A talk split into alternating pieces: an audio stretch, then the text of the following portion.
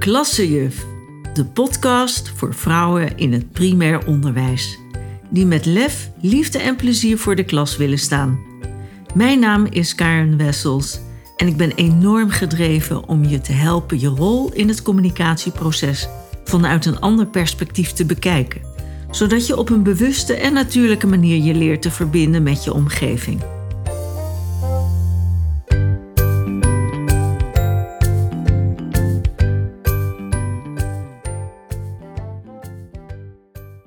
Hallo. Deze week kreeg ik een enquête onder ogen met de vraag: wat leerkrachten doen om het contact tussen de leerlingen onderling te bevorderen in hun klas. Het verbaast me enigszins omdat ik ervan uitga dat dit integraal wordt meegenomen in het hele lesprogramma. Maar in tweede instantie vond ik het wel een relevante vraag, gezien wat er op dit moment speelt in de maatschappij, maar zeker ook in het onderwijs op het gebied van kansenongelijkheid. En daarom wil ik het eh, vandaag hierover hebben met je. Vreemd, maar gevoelsmatig uh, probeerde ik me dat in te beelden, hè, die kansenongelijkheid. En ik moest denken aan mijn neefjes die op hun zesde jaar met hun ouders verhuisden naar België. Niks bijzonders zou je zeggen, maar wat mij heel erg verbaasde is dat ze daar ongelooflijk werden gepest. Omdat het simpele feit ze domme Hollanders waren in de ogen van de Vlamingen. En bij hun was geen sprake van sociaal-economische achterstand, integendeel. Zelfs in de buurt waar ze woonden gebeurde dit, hè? Die, die discriminatie zou je kunnen zeggen. En zelfs volwassenen deden eraan mee. Maar ook op school, waar ze na schooltijd door een paar klasgenootjes werden opgewacht, uitgescholden en geslagen. Zelfs op hun fietsen werd een paar keer getrapt en uh, waren onbruikbaar. De school zei na iedere melding dat ze geen invloed hadden op wat er zich buiten de school afspeelde. En ja, deden dat op die manier af. Nou, minder dramatisch maar aan mijn eigen schooltijd bewaar ik uh, daarom ook geen echte warme herinneringen. op school werd, op mijn school werd ook niet actieve aandacht besteed mm. aan wat zich onderling afspeelde tussen leerlingen op school en daarbuiten. Wel jammer, want zeker toen ik overstapte naar een andere school, zou dat wel heel fijn geweest zijn en zou ik hoogstwaarschijnlijk een veel positievere schoolbeleving hebben gehad. Oké, dat is lang geleden. En uiteindelijk is het allemaal wel goed gekomen, ook met mijn neefjes. Ook al hebben ze daar heel hard aan moeten werken om geaccepteerd te worden op school. gewoon geaccepteerd op basis van wie je bent. En misschien zeg je, ja, nou, niks mis mee. Uh, goed voor je weerbaarheid. Helemaal waar. Maar waar ligt de grens? En deze enquête gaf mij het vermoeden dat er op school nog steeds weinig of zelfs geen aandacht besteed wordt aan een prettig, laat hè, zeg leuk contact tussen de leerlingen onderling.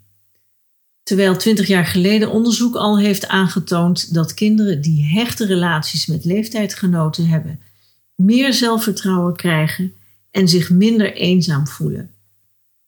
Wanneer je dat doorvertaalt naar deze tijd, dan is die enquête zeker relevant en zinvol. De ongelijkheid in uh, onze samenleving wordt steeds duidelijker zichtbaar. Daar hoef je niet voor doorgeleerd te hebben. Kijk maar om je heen of volg de media. Inmiddels weten we dat een klein groepje hoogopgeleide witte heteromannen afstammend van tenminste één hoogopgeleide en of welgestelde in Nederland geboren ouder, invloed heeft en beslist wie een plaats aan de top verdient. Die geen idee hebben hoe het leven eruit ziet op de armoedegrens of in een laaggeletterd milieu. En dat vertaalt zich door, ook op school natuurlijk, waar kinderen al jong geconfronteerd worden met uitsluiting vanwege sociaal-economische uh, omstandigheden, hun huidskleur en of overtuiging. Vooroordelen, ongelijkheid en miskenning komen steeds prominenter naar voren. En hoe ga jij dit op school begeleiden? Betekent dit voor jou lopen op het slappe koord of kom je makkelijk naar de overkant? Ik kan natuurlijk alleen uit eigen ervaring spreken en dat doe ik ook. Mijn echtscheiding betekende ook een grote terugval in inkomen. Ik weet hoe het voelt wanneer er mannen van het energiebedrijf voor je deur staan om je gas, water en licht af te sluiten, omdat je de rekening niet hebt betaald.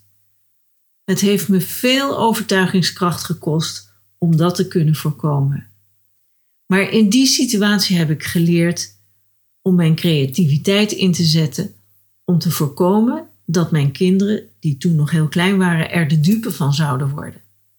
En dat zal voor velen gelden die in een moeilijke situatie zitten. Ik had steun van vrienden en familie, maar dat is niet iedereen gegeven en dan ben je echt op jezelf aangewezen.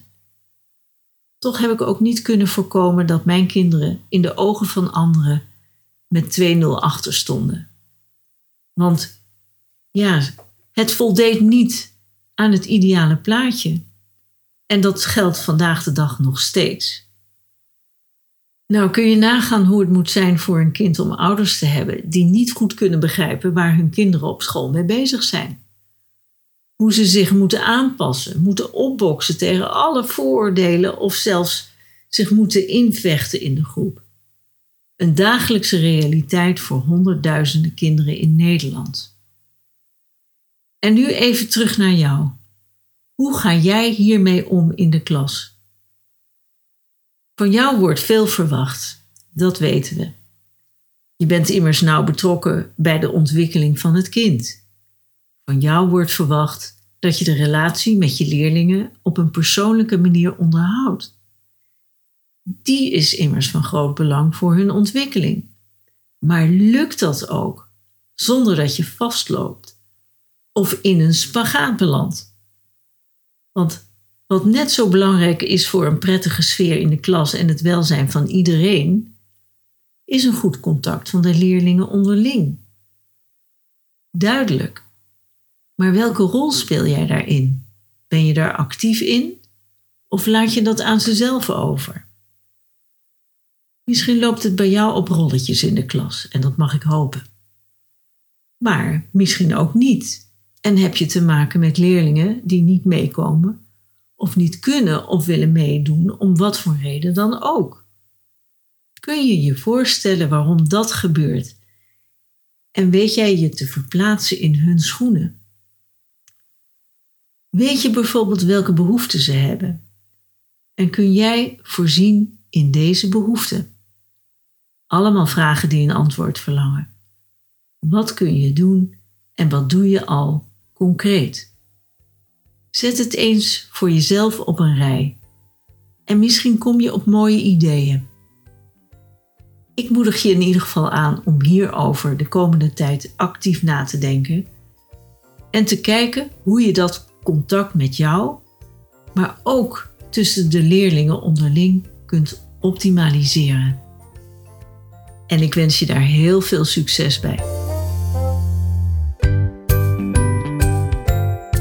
Leuk dat je luisterde. Vond je dit interessant of heb je nog vragen of opmerkingen? Laat het me weten via www.karenblad-wessels.nl slash contact of zoek me op op LinkedIn of Facebook.